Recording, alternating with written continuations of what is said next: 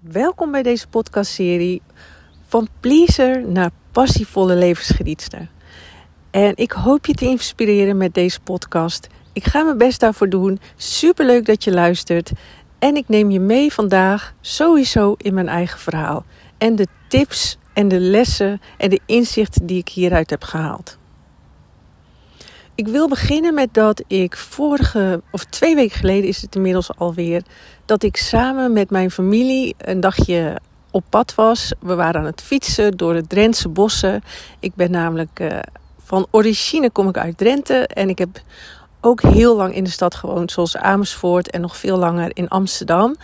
Maar de combinatie van boerenmeisje en stadse dat, uh, dat ben ik.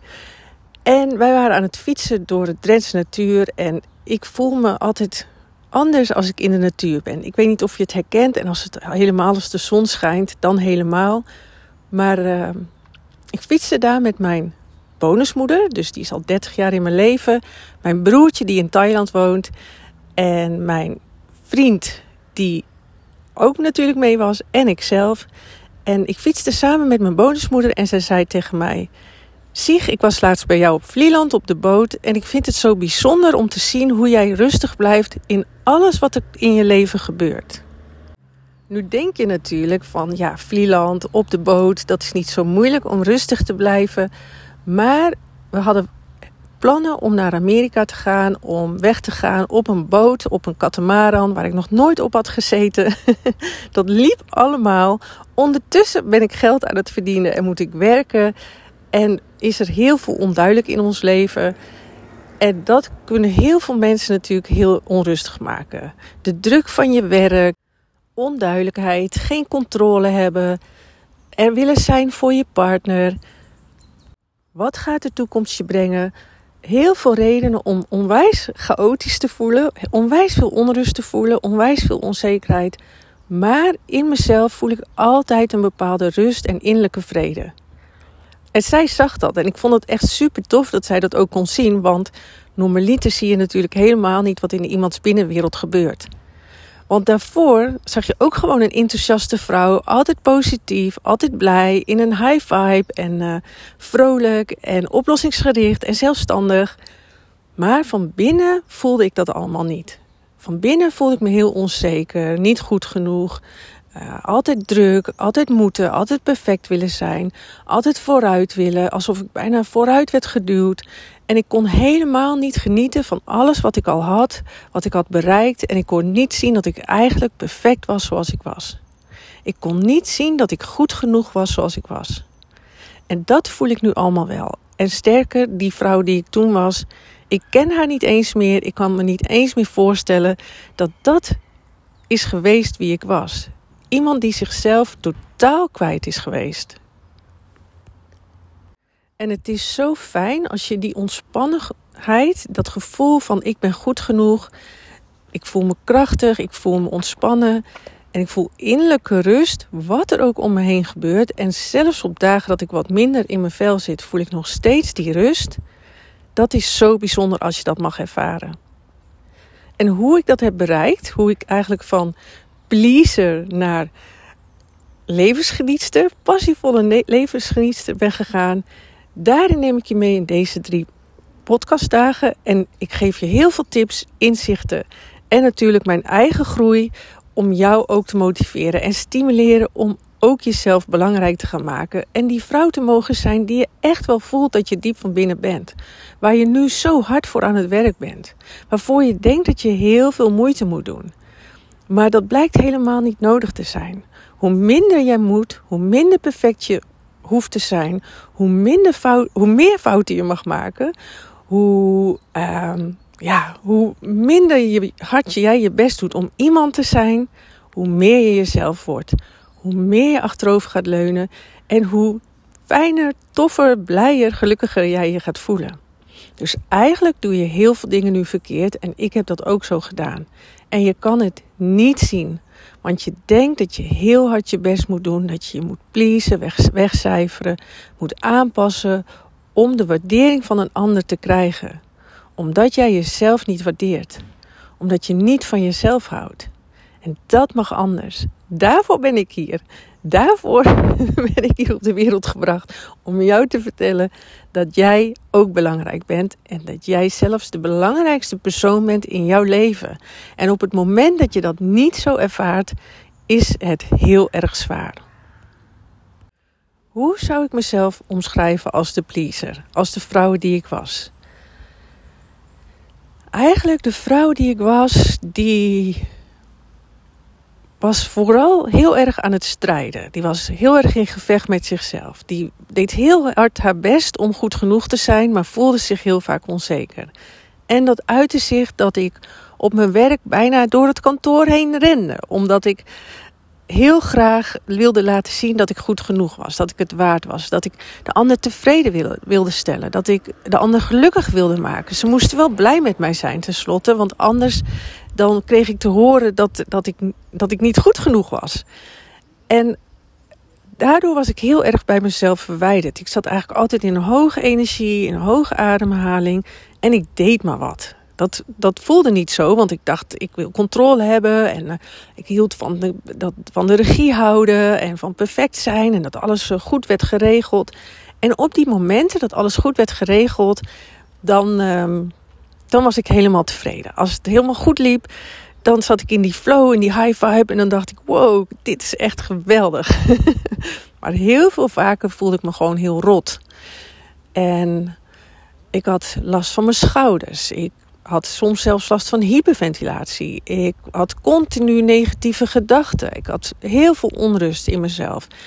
Ik voelde alsof ik niet in me, eigenlijk met mezelf verbonden was. Ik was continu in dat gevoel van moeten. Ik zei zelfs bijna in iedere zin: ik moet, ik moet, ik moet, ik moet. Ik heb op de grond gelegen bij een coach uh, voor een bepaalde oefening om van mijn perfectionisme af te komen. En ik ging dus ook van coach naar training, naar weet ik veel. Ik heb alles gedaan om me beter te voelen. En bijvoorbeeld na mijn vorige partner wilde ik zelfvertrouwen ervaren. En alles hielp een beetje en ik heb superveel gedaan. Ook drie opleidingen gevolgd rondom coaching. Maar met niks wat ik deed vond ik die echte rust van binnen en bleef het op een bepaalde manier ingewikkeld. En dat is zo zonde. Ik zou nooit meer terug willen naar die pleaser. De vrouw die zo hard haar best deed voor anderen. Die zichzelf totaal ondergeschikt had gemaakt. Die zichzelf op de laatste plaats had gezet. Die eigenlijk met energie en aandacht continu aanstond naar de ander toe. Kijkt hij wel blij? Is hij wel gelukkig? Zit die persoon wel goed in zijn vel? Zijn ze niet tegen mij? Ben ik uh, wel leuk genoeg? Uh, stel ik niemand teleur? En ondertussen was ik geen seconde bezig met het geluk van mezelf. En had ik niet door dat ik eigenlijk de, het centrum ben van mijn eigen leven. Dus dat ik eigenlijk van binnenuit hoor te leven en niet van buiten naar binnen. Pas door zelfliefde ben ik gaan ontdekken van wow, is het leven zo mooi? Is het leven zo makkelijk? Is het zoveel leuker dan ik dacht? Mag ik gewoon gelukkig zijn? is er zoveel ongelukkig over te zijn? Ben ik zo, heb ik zoveel kwaliteiten? Ben ik zo goed genoeg? Ben ik echt helemaal perfect zoals ik ben? Ik had het niet kunnen dromen dat we ons ook zo kunnen voelen als dat ik me nu voel. Maar daar heb ik wel vijf jaar over gedaan. En dat gaat echt over dat je naar binnen moet. Dus in heel veel coaching sessies of therapieën ga je natuurlijk continu terug, terug naar het verleden. Wordt het steeds gelinkt aan iets in het verleden. Worden dingen eigenlijk een beetje oppervlakkig, vind ik zelf, opgelost. En het werkt altijd, maar het gaat niet naar de kern. En dat vind ik zo zonde, want bijvoorbeeld in mijn geval, ik ben totaal niet meer bezig met het verleden. Dat is meteen ook al een inzicht, waar ook van ieder inzicht is ook een programma. Hè? Er komt een programma van. Dus let op of er iets tussen zit waarvan je denkt van wow, oh my god, hier wil ik ook van af. um, laat ik een stukje zeggen over mijn verleden. En ik ben niet de coach voor de persoon die daar nog heel veel mee, wil doen. Dus die daarin nog heel veel moet verwerken of dat nog niks heeft gedaan aan zelfontwikkeling. Uh, ik ben de coach die jou oppakt en zegt van uh, we gaan je verleden wel aankijken, maar daarna ga je volwassen worden en mag je dat stuk laten gaan. Want ik zal je iets vertellen over het stukje verleden. Het is. Uh, mijn, mijn weg is trouwens uh, van het hier en nu. En dat er alleen maar hier en nu is. En dat je eigenlijk. Ja, al, het leven is super makkelijk. Maar dat weet je alleen als je al die verhalen loslaat. Alleen in, in je verhaal kan het leven heel moeilijk zijn. Mijn verhaal over het verleden. Ik was tot mijn tiende, uh, leefde, wat ik zei, uh, woonde ik in Drenthe. En eigenlijk hadden we het super makkelijk. En ik heb ook niet zoveel herinneringen over die tijd. Het was gewoon leuk, we speelden veel. Uh, we hadden altijd vriendjes over de vloer ja, het was echt een, gewoon een makkelijk, makkelijk bestaan. We hadden een grote boerderij en mensen kwamen daar spelen. Kinderen kwamen daar spelen. En mijn ouders hadden het ook samen makkelijk. En eigenlijk, mijn moeder wilde scheiden. Er waren wel wat dingen voorgevallen, maar ze hadden nooit echt veel ruzie. Dus het was makkelijk. En op een dag kreeg ik, vroeg ik aan mijn ouders van... Uh, jullie gaan nooit scheiden, hè? En blijkbaar had ik iets aangevoeld en zeiden ze... ja, zie, we gaan wel scheiden. En dat moment dat heb ik heel lang bij me gedragen. Dat ik dat vroeg. En daarna ging het ook niet zo makkelijk. Mijn vader kreeg een nieuwe partner, mijn moeder, allemaal in de puberteit. Heb ik nu een totaal nieuwe visie over. Dus in de puberteit ervaar je het leven gewoon heel ingewikkeld. Ervaar je het leven niet meer echt zoals het is. Dus in mijn beleving, ik kon heel moeilijk wennen aan de nieuwe partners. Uh, ik dacht dat mijn vader niet van me hield. Ik dacht dat ik daar buiten gesloten werd. En op een bepaalde manier uh, klopte, laat ik het zo zeggen, ik vertaalde de dingen anders. Dus ik heb twee broertjes bij mijn familie, bij mijn vader. En mijn vader en zijn vriend, toenmalige vrouw, waar ik nu nog steeds heel goed mee ben en waar ik op de fiets mee zat aan het begin. Superleuke vrouw. Maar zij maakte veel ruzie en veel emoties waren daar. Mijn ene broertje heeft dat als ingewikkeld vertaald. Ik heb dat als ingewikkeld vertaald. En mijn andere broertje wel ook in een andere tijd. Maar die is veel nuchterder. Die, is veel, die kan dingen veel meer buiten zichzelf plaatsen. Dus die nam het niet persoonlijk. Maar ik en mijn andere broertje vertaalden het naar onszelf. Van zie je wel. Uh, het, ja, zei ik bijvoorbeeld van ik ben hier niet gewenst. Of zij moeten mij niet. En en mijn andere broertje heeft ook weer zijn eigen vertaling eraan gegeven aan diezelfde uh, emoties en uh, momenten daar. Maar mijn andere broertje heeft daar niks mee gedaan. Die was meer maakte zich meer zorgen. Dus die pakte meer dat stuk op. Dus de beleving van je verleden is jouw beleving. Ik dacht bijvoorbeeld dat mijn vader niet van me hield. Maar wat bleek achteraf? Voor hem was het vanzelfsprekend dat hij van me hield. Maar mijn onzekere karakter, mijn gevoelige karakter, onzekerheid is zeg maar mijn uh, rode draad altijd geweest. Mijn uh, karakter daarin vertaalde dingen altijd negatief naar zichzelf. Ook die ene opmerking. Ja, dat was ook een lullige opmerking dat ik er niet goed uitzag. Of uh, ja, bepaalde dingen of iemand op de fiets, dat ik naast mijn vriendin fietste. En dat iemand zei van uh, dat linker meisje ziet er wel goed uit en dat andere meisje niet. En ik was dan dat linker meisje, het andere meisje was ik die er niet goed uitzag. Een periode buiten de groep vallen. En dit heb ik heel lang als excuus gebruikt, waardoor ik ongelukkig was. Waardoor ik zo onzeker was. Wel tot mijn 35ste zat ik nog huilend aan tafel bij mijn moeder. Door jou ben ik ongelukkig. Door die ene situatie ben ik ongelukkig. Door de scheiding ben ik ongelukkig. En ik wilde niet de verantwoordelijkheid pakken over mijn eigen geluk. Op een of andere manier wil ons brein, dat is ook een tip voor jou Jouw brein wil heel graag iets buiten zichzelf neerleggen. Dus ook ik deed dat. En daarbij, dat, dat bedoel ik van, uh, als je bij mij instapt, heb ik het liefst dat je al bepaalde dingen hebt gedaan. Zoals EMDR of een, uh, bij een fysiotherapeut of een, psycholoog of uh, waar je wel al je verleden hebt onderzocht. Want ik denk dat het zeker belangrijk is. We gaan ermee aan de slag. In een van mijn programma's over gevoelens en emoties. En hoe je daarin je rust kan vinden. Hoe je uh, ja, eigenlijk ook je verleden gaat, helemaal gaat loslaten. Maar dat kan je niet doen als je het niet nog nooit hebt aangekeken, denk ik. Da daarvoor is het goed om daar met mensen over te praten of echt, echt aan te kijken. Maar bij mij kun je wel dan vervolgens dat stuk afsluiten. En niet meer als reden gebruiken van je geluk en ongeluk. Want op het moment dat je daarmee stopt, dan pas kan je gelukkig zijn in het nu. Op het moment dat je dat verleden gaat inzien van ah, dat is een verleden, dat is mijn verhaal, mijn beleving, dan kan je het gaan loslaten. Want besef ook, niemand wil jou expres pijn doen. Niemand heeft jou ooit pijn willen doen. Hooguit dat iemand de pijn meeneemt van zichzelf en dat legt bij een ander. En aan jou is dan weer de vertaling van hoe die ander met jou omging. En de echte trauma's waarin echt dingen zijn gebeurd. Kijk, scheiding heb ik het over, buiten de klas, groep vallen en zo. Dat zijn allemaal echt ook jouw beleving. Maar er zijn ook mensen echt, echt gepest. En uh, uh, ja, echt dingen dat je echt de echte trauma. Uh, dat, is, dat is niet mijn professionaliteit. Dat, dat, dat, daar, wil ik, daar ben ik niet de juiste persoon voor. Dus ik ben er meer voor de vrouw zoals ik, die van heel veel dingen heel veel drama hebben gemaakt. En dat het ook tijd is om dat een keer los te laten. en natuurlijk heeft dat jou gevormd. En natuurlijk heeft jou dat ooit echt pijn gedaan. Maar uh,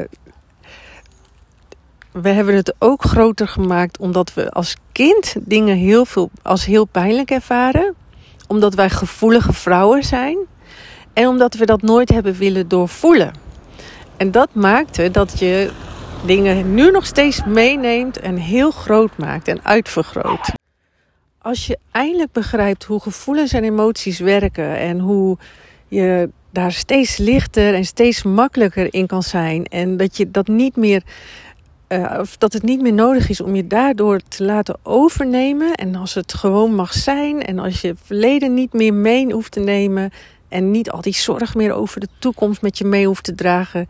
Dat is zo fijn, omdat je als je weet dat alles in jou gebeurt en dat je daar handvatten voor hebt, dat is zo bijzonder dat je dan een dag hebt dat je je niet goed voelt, maar dat dan niet opeens je wereld vergaat. Want dat had ik altijd, dat je wereld echt vergaat. Ik weet niet of je het herkent, maar dat is echt nooit meer zo. En uh, zelfs in onze ergste gedoe of ergste ruzie of zo. Of zelfs, ik heb een tijdje terug had ik wel één keer een moment dat ik echt dacht, nou, dit is wel, uh, dit is, uh, wel even echt lastig hoe ik me nu voel. Maar dan nog is er iets in mij wat dat niet meer uitmaakt. Wat niet meer wordt overgenomen. En dat is zo bijzonder van zelfliefde. Dat gaat echt over dat je in jezelf de kracht gaat vinden. En in jezelf de rust. En dan maakt het niet meer uit wat er buiten jou gebeurt. Maar, en dat is wel een ding. Daar heb ik vijf jaar over gedaan. En ik heb daar heel veel lessen uitgehaald. En onder andere deze van hoe ga je om met je gevoelens en emoties. En hoe kan je eindelijk dat verleden achter je gaan laten en vooral veel meer gaan zien als een signaal op het moment dat je daar wel weer in gaat zitten. Dat uh, is een van die onderdelen dat jou brengt naar die vrouw die altijd een bepaalde rust kan ervaren en in balans kan blijven, wat er ook buiten jou gebeurt. Een belangrijke ontdekking was dus heel erg dat er gevoelens en emoties door ons heen gaan en dat dat er gewoon mag zijn en dat ik dat aan kan. En dat het niet iets is wat mij hoeft over te nemen. Dat ik dat niet ben. Het laatste wat ik over het verleden wil zeggen en over, uh, ook over de vrouw die ik was en nu ben. De vrouw, eigenlijk toen ik nog de pleaser was, maar dat staat hier los van. Maar ik, ik was de vrouw die geloofde dat ik die vijf gebeurtenissen uit mijn verleden was. Dat ik dat was, of tien, ik weet niet precies. Maar ik was die vrouw. Ik was die vrouw geworden en die had ik zelf gemaakt in mijn hoofd. Achteraf waren heel veel momenten goed, heel veel momenten oké, heel veel momenten superleuk. Maar ik ben een type vrouw, wat door mijn gevoeligheid denk ik, dat zit in een bepaalde type vrouw die de neiging heeft om de mindere momenten te verzamelen. Terwijl het wel de positieve vrouw is. De vrouw die altijd eigenlijk het liefst positief is. Ik ook. Ik wilde eigenlijk altijd die positieve vrouw zijn. En zo was ik ook naar buiten toe, maar naar mezelf niet. Hoe zonde is dat? Dus mijn leven is als het ware wel herschreven. Dus ja, ik kijk totaal niet meer naar mijn verleden alsof het slecht was. Totaal niet eigenlijk gewoon meer meningloos of gewoon oké en leuke momenten. Gewoon realistisch. En dat gun ik jou ook. Misschien kan je al een kleine opdracht geven nu. Kijk eens naar je eigen verleden. Hoe realistisch kijk jij naar je eigen verleden? Was die echt zo slecht? Of heb je net als ik de neiging dat jij die momenten die lastig waren, dat dat je waarheid is geworden? En als dat zo is, dan hoor je bij mij. als je echt, echt alleen maar heel slecht verleden hebt gehad, dat is, dat, uh, dat is uh, niet mijn uh, specialisme. Maar als jij iemand bent die ja, eigenlijk als ze heel, heel, heel objectief en heel, heel, heel eerlijk zou kijken, dat, dat je best best oké okay verleden heeft gehad. Natuurlijk een scheiding en weet ik veel wat. Maar of een tijd uh, dat het in de klas wat minder uh, ging. Dan, en dat heb jij uitvergroot en dat heb jij als waarheid gemaakt. En dat heb jij als reden, gebruik je nu nog als reden van best wel vaak dat het niet lekker gaat. Of met je moeder of zo, als je steeds maar daar weer op terugkomt. terwijl als je heel objectief kijkt, doe je daar misschien zelf ook wel onhandige dingen in, dan, ja, dan zou ik echt uh, gewoon blijven luisteren en blijven volgen deze drie dagen. Je hoort trouwens heel veel geluid op de achtergrond, want ik ben uh, aan het reizen richting Portugal. Dus er komen dan weer een hardloper langs en dan komt er weer een caravan uh, die open gaat en dan weer een auto. Dus ik doe mijn best om dat een beetje te voorkomen door af en toe even stop te zetten. Maar dat lukt niet altijd. Tegelijkertijd ben ik wel in een omgeving waar ik van hou, want ik heb lekker de natuur om me heen. Dus uh, dat geeft echt dat gevoel van in verbinding zijn met mezelf. En uh, ik hoop dat jij ook van die momenten hebt dat je echt met je, in verbinding bent met jezelf. Dus dat je af en toe voelt: ah, dit ben ik. Hier hoor ik thuis. Ik noemde het al dat ik ook natuurlijk heel erg bij uh, uh, heel erg verlast had van perfectionisme, niet goed genoeg zijn, van uh, heel veel moeten, van controledrang, van maar doorgaan, van het denken te goed te doen op die high vibes. En ik ging maar door, ik ging maar door, ik ging maar door, ik ging maar door. En ik bleef maar geven, ik bleef maar geven en ik bleef maar geven. En ondertussen was ik totaal mezelf kwijtgeraakt. Was ik totaal onbelangrijk voor mezelf. En ik dacht dus dat ik de vrouw, dat was ook in die tijd dat ik dus de pleaser was, dacht ik dus dat dat de vrouw was die ik moest zijn. Die heel veel geeft, die heel veel moed van zichzelf, die maar doorgaat. En achteraf gezien was dat eigenlijk een van de redenen waardoor ik zo ongelukkig was. Waardoor ik zere schouders had. Waardoor ik heel veel stress ervaarde. Waardoor ik zoveel onrust had. Omdat ik zo in dat stuk zat van. Uh, ja, dus eigenlijk is het een verkramping bijna. Misschien herken je het zelf ook wel dat je eigenlijk, nu je mij dit nu hoort zeggen, dat je in een soort van verkramping leeft, in een soort van angst. Want perfectionisme is angst in een galajurk die hoge energie en dat moeten en die andere versie moeten zijn, is gewoon angst. Het is angst om jezelf te zijn.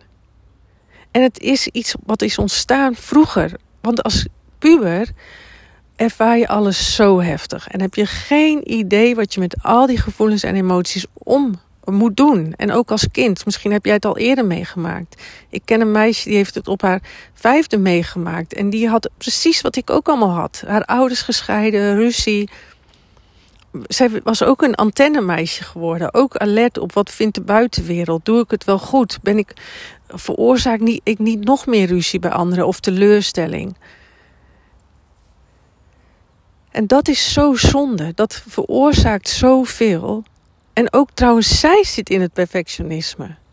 En als, als jongere kan je dit niet aan. En denk je dat je het leven niet aan kan als er iets ergs gebeurt. En ik snap niet dat je niet op school leert volwassen te worden. Ergens hoor je te leren dat er een overgang is van als kind zijnde dingen moeilijk aankunnen. En daarin zou je eigenlijk al op school moeten leren hoe kan ik wel met al die nieuwe emoties en gevoelens aan. Wat je dus in een van mijn programma's kan leren. En je leert nergens van, ah, maar ik kan het wel aan. En helemaal als volwassene kan ik alles aan. En ik ben altijd goed genoeg. En ik kan dit dragen. En ik hoef niet meer perfect te zijn. Het helpt me zelfs verder bij mezelf weg. En voor je gevoel heeft het je een tijd gered. Het is een beschermingsmechanisme. En het zijn ook jouw kwaliteiten. En dat vind ik ook een heel bijzonder inzicht. Perfectionisme is een kwaliteit. Want jij doet graag alles goed voor anderen. Zorgen er zijn voor anderen een hele grote kwaliteit. Ik vond het eerst helemaal niet zo bijzonder, maar omdat het voor ons zo normaal is, is het een super groot power. dat je zo liefdevol bent naar anderen, empathisch, dat jij je druk maakt om de mensen om je heen, super grote kwaliteit. Dat jij uh, daadkrachtig bent, hè, dat stukje moeten, ook een geweldige kwaliteit. Want daardoor ben jij zelfstandig, oplossingsgericht en krachtig en krijg je alles voor elkaar en kan jij je ook alleen heel goed redden. Dus weet, dit zijn allemaal kwaliteiten.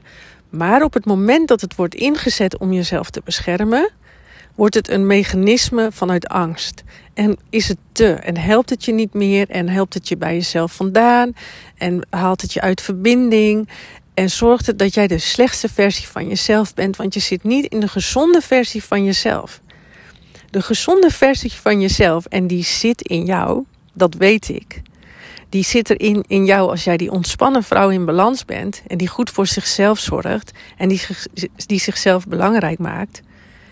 Die vrouw die zet het in als kwaliteiten. Dus die zet het niet in als vanuit angst en maar doorgaan en zichzelf wegcijferen en, en pleasen. En dus al die negatieve namen, maar die zet het in vanuit een ontspanning. En zij is heel zorgzaam voor haar kinderen en liefdevol en een voorbeeld. En zij is inspirerend en zij is een fijn persoon voor haar partner. En zij, zij regelt het allemaal thuis, maar wel vanuit een ontspannen vibe en met hulp durven te vragen. Dus als je op het moment dat je al die, die prachtige kwaliteiten gaat inzetten, ben je die superkrachtige vrouw. Een superkrachtige vrouw zit in jou.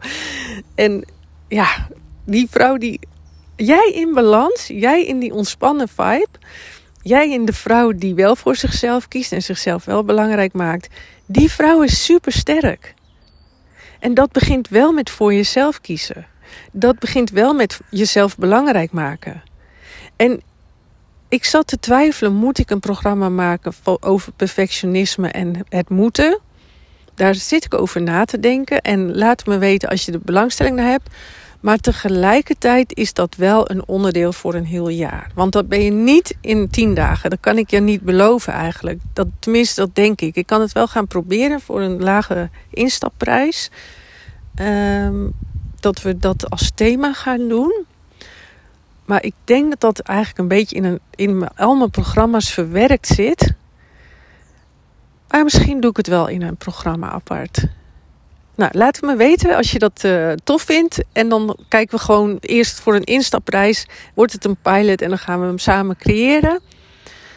En dan... Uh, doen we dat thema van heel veel moeten, perfect willen zijn en naar voren gedrukt zijn, worden alsof, alsof, alsof er heel veel nog op je lijst uh, gedaan moet worden, dat dat een apart programma wordt. Ja, nou, ik weet het niet zeker, maar in ieder geval, wat daar ook uit voorkomt, is dat je, wat een super belangrijk inzicht is, dat je dus jezelf belangrijk hebt te maken om ervoor te zorgen dat het een kwaliteit voor jou wordt. Dus dat jij echt vanuit die ontspannen vrouw gaat leven. Dat je echt gaat voelen van, ah, maar als ik vanuit gewoon wat meer achteroverleunen uh, leef, doe ik ook al die dingen, ben ik ook nog steeds, wil ik ook nog steeds wel perfect zijn, wil ik ook nog steeds uh, het goed doen voor anderen. Maar ik mag ook fouten maken. En ja, ik mag ook imperfect zijn. En ja, ik mag gewoon mens zijn. En ik mag falen. En ik mag een beetje losser worden. En ik mag meer ontspannen zijn. En dan ben ik nog steeds goed genoeg. En ben ik nog steeds juist die krachtige vrouw. Ben ik juist die ontspannen vrouw. En die ondanks de chaos in balans blijft. en soms zichzelf kwijtraakt. Maar dat helemaal niet erg vindt omdat ze weet hoe ze omgaat met de gevoelens en emoties. En dat gaat wel echt over voor jezelf kiezen en jezelf belangrijk maken. En daar heb je mijn programma ook voor over Now I Choose Myself. En... Uh, Daarin ga je leren hoe je echt voor jezelf kiest. Want dat staat denk ik wel op nummer 1. Want ik weet nog dat ik in de keuken zat bij mijn vriend. En ik was altijd maar bezig met pleasen. Ik was altijd naar buiten gericht. Ik was altijd met mijn aandacht voor de ander. En ik was mezelf helemaal kwijt. En ik weet nog, ik zit daar in de keuken en ik had al mijn zelfliefde tool ontdekt. De eerste zelfliefde tool. En ik zit daar in die keuken en ik dacht, en ik wil ook gewoon gelukkig zijn. en dat gevoel moet je hebben om te willen veranderen. Ik wil ook gelukkig zijn. En dat gaan we leren in die, in, van Now I Choose Myself. Dat jij ook gelukkig mag zijn. En dat jij jezelf belangrijk mag gaan vinden. En wil gaan vinden. Oké, dus dat, is een, uh, dat zijn er eigenlijk alweer twee. Hè? Van uh, perfectionisme een opdracht, ook in deze, ik wil je ook een opdracht graag meegeven, want we zitten natuurlijk in een soort, eh, in een podcastserie waar je ook in leert. Mag, ga iets expres fout doen. Mag fouten maken. Dus, oh god, ik zie volgens mij een muis of een kleine hamster ondertussen. Nee, hoe noem je dat? Wat een raar beest. Ik zit in Frankrijk trouwens. het springt maar het heeft de grootte van een muis. Nou ja. Dus bijvoorbeeld ook zo'n podcast. Mag iets geks er tussendoor doen. Laat je, word wat losser en oefen dus een keer een dag met expres een fout maken. Of iets fout. Ja, maak, eens expres een foutje in een tekst. Of uh, uh, zorg dat het eten een keer niet om zes uur klaar staat. Super spannend. of uh, ja, ja, vijf minuten te laat. Oeh, die kan heel spannend voelen natuurlijk. Of dat je wel een keer echt je pauze pakt, vol. Kan ook heel spannend aanvoelen. Uh, dus dat je dan. Of dat, ja, dat is niet een fout eigenlijk. Hè? Dat is misschien, ja, daar wil je ook perfect in zijn, toch? Nou, leg voor jezelf op onderzoek uit van hoe zorg jij ervoor dat jij een keer iets doet wat niet perfect is. En dat je jezelf dus uitdacht om daar gewoon mee om te gaan. En we hadden het daarna over voor jezelf kiezen. Kies ook een moment, dus schrijf het mee. Schrijf de opdrachten echt op en ga die dit weekend oefenen of de aankomende week. Fouten maken, heel eerlijk kijken naar je verleden. Is die echt wel zo slecht? En, uh, oh ja, en een keer voor jezelf kiezen. Zomaar een moment pakken dat je de boel de boel laat bijvoorbeeld. Of dat je denkt van, ah, ik, ik sneak even de deur uit en ik ga even een momentje voor mezelf pakken. Een gek momentje. Of, of gewoon een normaal moment, een koffiemomentje of een mooie wandeling of iets voor jezelf. Dus dat je jezelf belangrijk maakt. Dat jij voor jezelf kiest. En dan voor deze podcast, voor vandaag en morgen gaan we verder.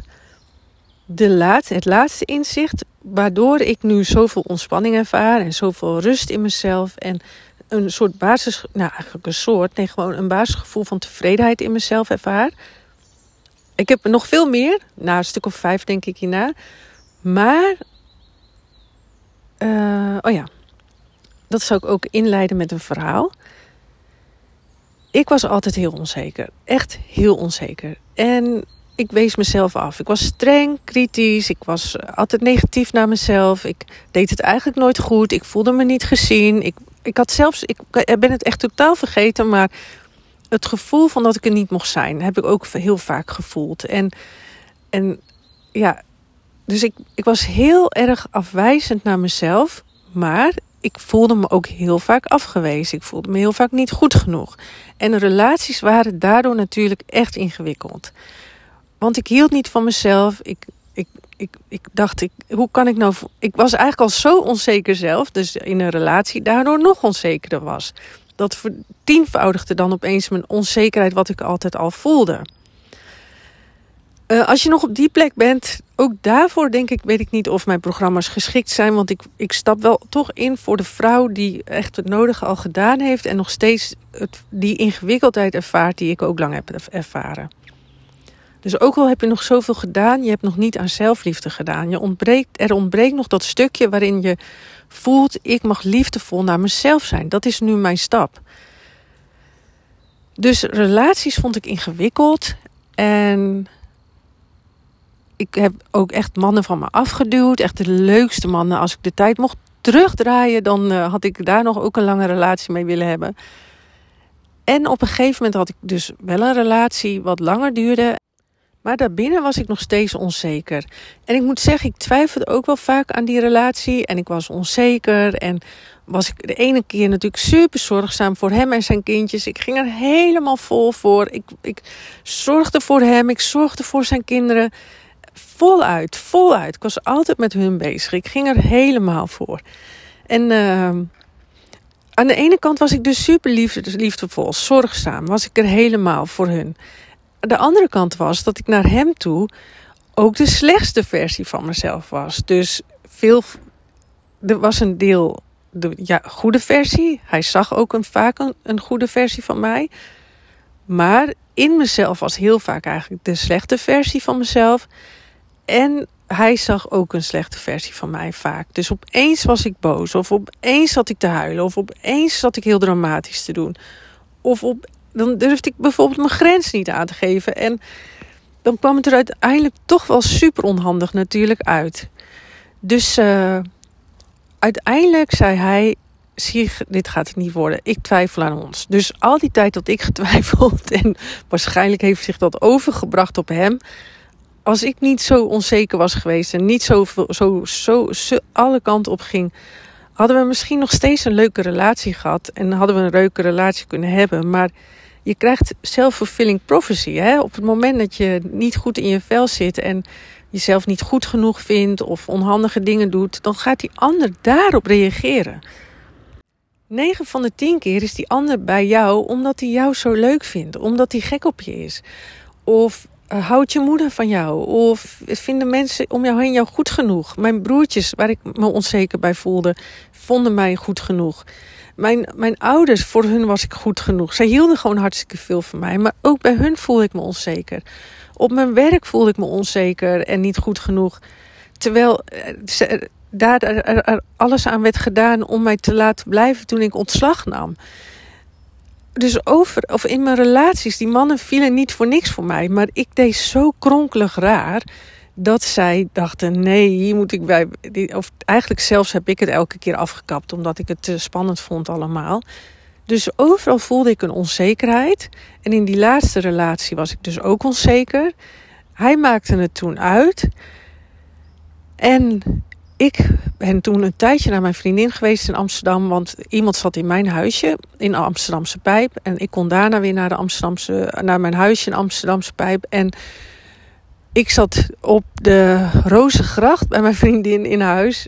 En daar had ik zoveel liefdesverdriet. Hij zei ik twijfel en ik dacht nee, ik kan die twijfel niet ook nog eens erbij hebben. Dan word ik helemaal gek. Dus ik ben daaruit de, weggegaan. Ik zei dan ga ik weg. Ik heb daarna alles in mijn eentje verhuisd. je kent het vast wel, dat zelfstandige, dat je het allemaal zelf wil doen. En uh, toen bij die vriendin, als zij er niet was, huilen, huilen, huilen, huilen, huilen, huilen. Wat een liefdesverdriet. En ik heb me voor alles opgegeven waar het woord zelfvertrouwen in stond. Als ik maar zelfvertrouwen zou krijgen, dan kwam het goed. Want misschien kon, hij, dan, kon ik dan zelfs nog weer bij hem terugkomen. Of kon ik wel een normale, gelukkige relatie hebben. En uh, straks gaan we het echt hebben over mijn groei in de relaties. Dat zit in de volgende podcast. Maar in mijn liefdesverdriet ging ik dus zo op zoek naar hoe kan ik wel een vrouw zijn die in balans is, die zelfvertrouwen heeft, die gelukkig is. En ik stond onder de douche en ik had een boek gelezen en dat boek kwam zo ontzettend binnen. En dat opeens zo'n helder moment. En eigenlijk vanaf dat moment heb ik echt van die hele heldere momenten. Dus in de weg naar zelfliefde vallen kwartjes zo hard binnen. Tenminste, dat is mijn ervaring. Dat gaat dan over van dat je echt helemaal jezelf wordt in het hier en nu. En echt van jezelf gaat houden in het hier en nu. En dat je het hier en nu vooral gaat zien. Daarin, als je dat gaat. Dat is zo'n bijzondere ontdekkingsreis. Dat is echt niet te doen. Dat je opeens bijna schrikt. Mijn ervaring dan, hè. Als je het wil zien, dan schrik je van je inzichten. Van, oh my god, ik heb het altijd zo gedacht, maar het blijkt zo te zijn. Eigenlijk is alles andersom. Net zoals dat moeten, perfect willen zijn. Alsof daar je geluk zit. Als ik maar eh, perfect ben, dan vind ik rust. Als ik maar slim genoeg ben, dan vind ik rust. En de grap is, op het moment dat je het loslaat, vind jij rust. Dus we zoeken alles buiten onszelf, alles ergens naartoe of vanaf. Maar het is er allemaal nu. Het vertrouwen wat in jou zit, is er nu. De rust die je zo zoekt, is er nu. Pas als je dat allemaal stopt. Dus alles is precies andersom. Gevoelens en emoties denk je van af te moeten. Juist als je daarvan gaat houden en daarmee omgaat en het accepteert zoals het is als een moment van het nu, wordt het makkelijk. Maar je, je gevoel, je, je systeem doet alles eigenlijk verkeerd, waardoor je zoveel ongeluk, ongelukkigheid ervaart. En je denkt maar dat het buiten jou gebeurt. Dus je denkt maar dat iemand jou afwijst. En je denkt maar dat anderen jou het leven ingewikkeld maken. En je denkt maar dat jouw leven zwaar is door iets buiten jou. Maar dat je, hou je de hele tijd zelf in stand. Het leven is nu eigenlijk heel simpel. En tuurlijk, dat is niet van de een op de andere dag. Daarvoor heb ik zoveel programma's. Daarvoor heb ik er zelf vijf jaar over gedaan. En wil ik jou natuurlijk daar veel sneller doorheen krijgen, waar ik zo lang over moest doen. Maar goed, ik stond onder die douche en ik kreeg dus het inzicht: oh my god, ik wijs al die tijd mezelf af. Al die vrouwen waar ik jaloers op was, hij vond die vrouwen niet leuk, leuker. Ik vond die vrouwen leuker dan mezelf. Hij was bij mij omdat hij van mij hield. Ik, hij vond mij goed genoeg. Hij was helemaal kierenwiet op mij in het begin. En uh, toen moest hij er langzaam achter komen dat ik niet zo leuk was, natuurlijk. maar in ieder geval.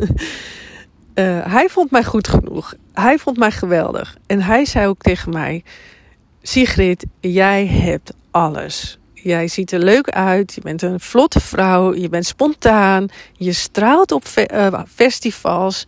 Hij kon ook echt zo om me heen dansen en me verliefd aankijken van wow, wat kan jij shinen. Um, ik had een goede baan. Ik had leuke vrienden. Ik leefde echt het, het echte Amsterdamse leven. Ik stond daar middenin. En uh, in het drukke festival, sociale leven. Op welk festival ben ik niet geweest? een bepaalde periode.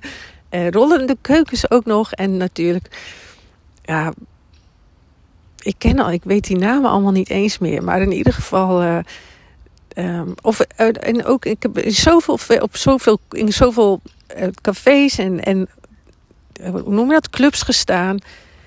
Ik leefde het allemaal, maar van binnen was ik altijd onzeker. En hij wist dat. En hij merkte dat. En hij, hij was degene die daar de pineut voor was. Want die kon natuurlijk het overal verbergen, behalve niet bij mijn uh, partner. Dat is eigenlijk degene die altijd de pineut is. Want het is overal te verbergen, hè? al die gevoelens en emoties. Maar niet als je die deur dichttrekt. Je, je kan dat niet 24-7 verbergen. Dus vandaar dat in je partner eigenlijk uh, die dingen het meest naar voren komen. En daar, hij, die ander is, nog, is de spiegel van wat, nog wat in jou nog uh, veranderd kan worden. Dus ik heb zo hard gehuild toen ik erachter kwam dat ik degene was die mij afwees. En dat ik degene was die mij ongelukkig hield. En dat ik degene was die ja, mijzelf onbelangrijk vond en niet goed genoeg. En dit is iets wat zich daarna meer en meer heeft uitgebouwd. Maar de ontdekking dat alles in jezelf gebeurt en dat daar de verandering zit en dat jij de weg bent naar rust, naar ontspanning en naar de vrouw die je eigenlijk diep van binnen bent. Kijk, ik, ik ben nu nog steeds wel eens ruzie aan het maken met mijn partner. Of ik, wij zijn nu aan het reizen naar Portugal en ik moet ook gewoon werken en hij hoeft dat niet. En ik vind dat, voel ik me ook schuldig. Dan onze reis draait ook voor een deel om mij. Maar ik wil helemaal niet zo dat, dat, dat ik me schuldig hoef te voelen. Of dat hij zich aan mij moet aanpassen. Of uh, ja, dus dat, emoties hou je altijd. Maar ik ben in de basis nu steeds de krachtige vrouw die zich rustig voelt en ontspannen. En daar ook nog wel eens schuldig voel. En, dat, en ook nog wel eens heel dramatisch doet. En ook nog wel eens huilerig of boos of, of ruzie maken is.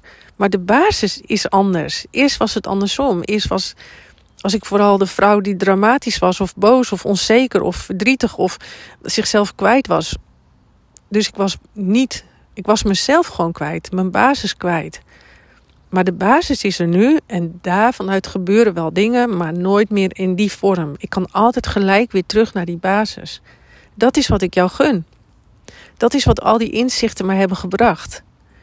En uh, dan hoort hier natuurlijk ook een opdracht bij. Onderzoek eens hoe zit dat bij jou? Hoe zit dat bij jou? Wie wijst jou af? Wie maakt jouw leven moeilijk? Wie zorgt ervoor bij jou dat je leven ingewikkeld is? Als je heel eerlijk kijkt. Als je niks meer buiten jezelf zou mogen leggen. Nu je mijn verhaal hebt gehoord, wie wijst jou dan af? Wie zorgt ervoor dat jij je niet goed genoeg voelt? En ik hoop dat jij ook nu een beetje kan zien of misschien een stemmetje voelt van: oh, misschien ben ik dat al die tijd wel zelf. En uh, dat vind ik zo jammer van dat je in eigenlijk bijna geen één programma, tenminste in alles wat ik heb gevolgd, ja, was je vooral bezig met eigenlijk nog steeds buiten jezelf het oplossen. Hè? Bij vroeger of bij, eh, weet ik veel, het, het contact tussen de ander. En dat is allemaal super waardevol. Dus ik zou zeker niet, eh, ik vind, we creëren met z'n allen. Dus andere mensen dragen ook een stukje bij. En ik weet niet meer dan jij, maar op dit stuk weet ik weer wat meer misschien. En uh, misschien heb jij ook weer hele goede tips. Dus we creëren altijd alles samen. En mensen, iedereen draagt een stukje bij aan jouw groei. Maar ik vind het zelf wel heel jammer dat je dit niet in coachingsgesprekken krijgt. Dat de oplossing en de verandering echt in jou zit en dat je liefdevoller met jezelf om mag gaan. Dat dat de basis is. Dat liefde voor jezelf de basis is. En vanuit daar zal je zien, zal alles veranderen. En voor mij is dit super logisch inmiddels. Net zoals al die andere dingen, dat alles precies andersom is. Het is super logisch dat liefde voor jezelf werkt. Denk maar eens aan heel veel fijne dingen denk eens aan de vrouw die wel goed voor zichzelf is, die wel goed voor haarzelf zorgt, die wel liefdevol is naar zichzelf. Sluit je ogen maar eens naar dat ene moment dat jij je heel goed voelde. Breng een hand naar je hart en ga terug naar dat moment dat je heel blij was met jezelf, dat alles flowde. Mijn moment was bijvoorbeeld op een, op een festival en de muziek en de zon. En ik voelde me zo diep verbonden met mezelf. Zo van binnenuit leefde ik daar. En toen wist ik nog helemaal niet wat ik nu weet. Dat was het eerste moment misschien wel van wat ik nu eigenlijk bijna dagelijks ervaar. En doordat ik op dat moment zo van mezelf hield, zo blij was met mezelf, reageerden mensen daarop. Iedereen lachte naar mij. Mensen maakten een praatje met mij. Ik shinede echt als een malle. en nu ook. Ik, het, is allemaal zo licht en makkelijk. Door van jezelf te houden. Door in jezelf.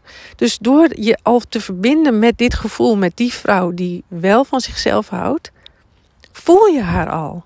Is er al. En misschien durf je het nog niet en voel je nog twijfels en denk je: nee, dat kan toch niet zo simpel zijn? En nee, ik mag toch niet van mezelf houden? En nee, ik moet me toch schuldig voelen naar anderen toe? Ik mag toch mensen niet teleurstellen? Uh, ik, ik heb toch redenen om te schamen, me te schamen voor mezelf? Dat is ook wat je voelt in het hier en nu. Dus als je dat wil blijven vasthouden, als je dat niet wil veranderen, dan blijf je dat voelen in het hier en nu. Helemaal oké. Dan is dit jouw weg nog niet zelfliefde. Maar misschien kon je even voelen: ah, die vrouw die ik toen op die mooie dagen was, die wel blij met zichzelf is. Bedoel je dat? Is dat wat je bedoelt met zelfliefde? Ja, dat is wat ik bedoel met zelfliefde. Dus de vrouw die wel in flow is en die, dat, die verbonden is met dat gevoel van: hé, hey, ik ben gewoon goed genoeg en het floot lekker. Maar dan vanuit ontspanning en niet vanuit moed en high vibes, maar gewoon vanuit chill, relaxed en ontspannen jezelf zijn. Dat gun ik jou ook. Dus uh, nou, ik ga morgen verder met de volgende podcast. Super leuk dat je hier naar hebt geluisterd. En deel alsjeblieft met mij jouw ervaring. Ondertussen komt de hond terug en mijn vriend. Dus ik ga lekker afsluiten. En uh, oh, die is helemaal blij. Verderop zag ik twee grote herders. Dus dat uh, ga ik even oppassen. En ja, stuur me een PM als je hier wat uithaalt. En ik ben heel benieuwd wat je ervan vindt. Laat het me weten en tot morgen. Ciao!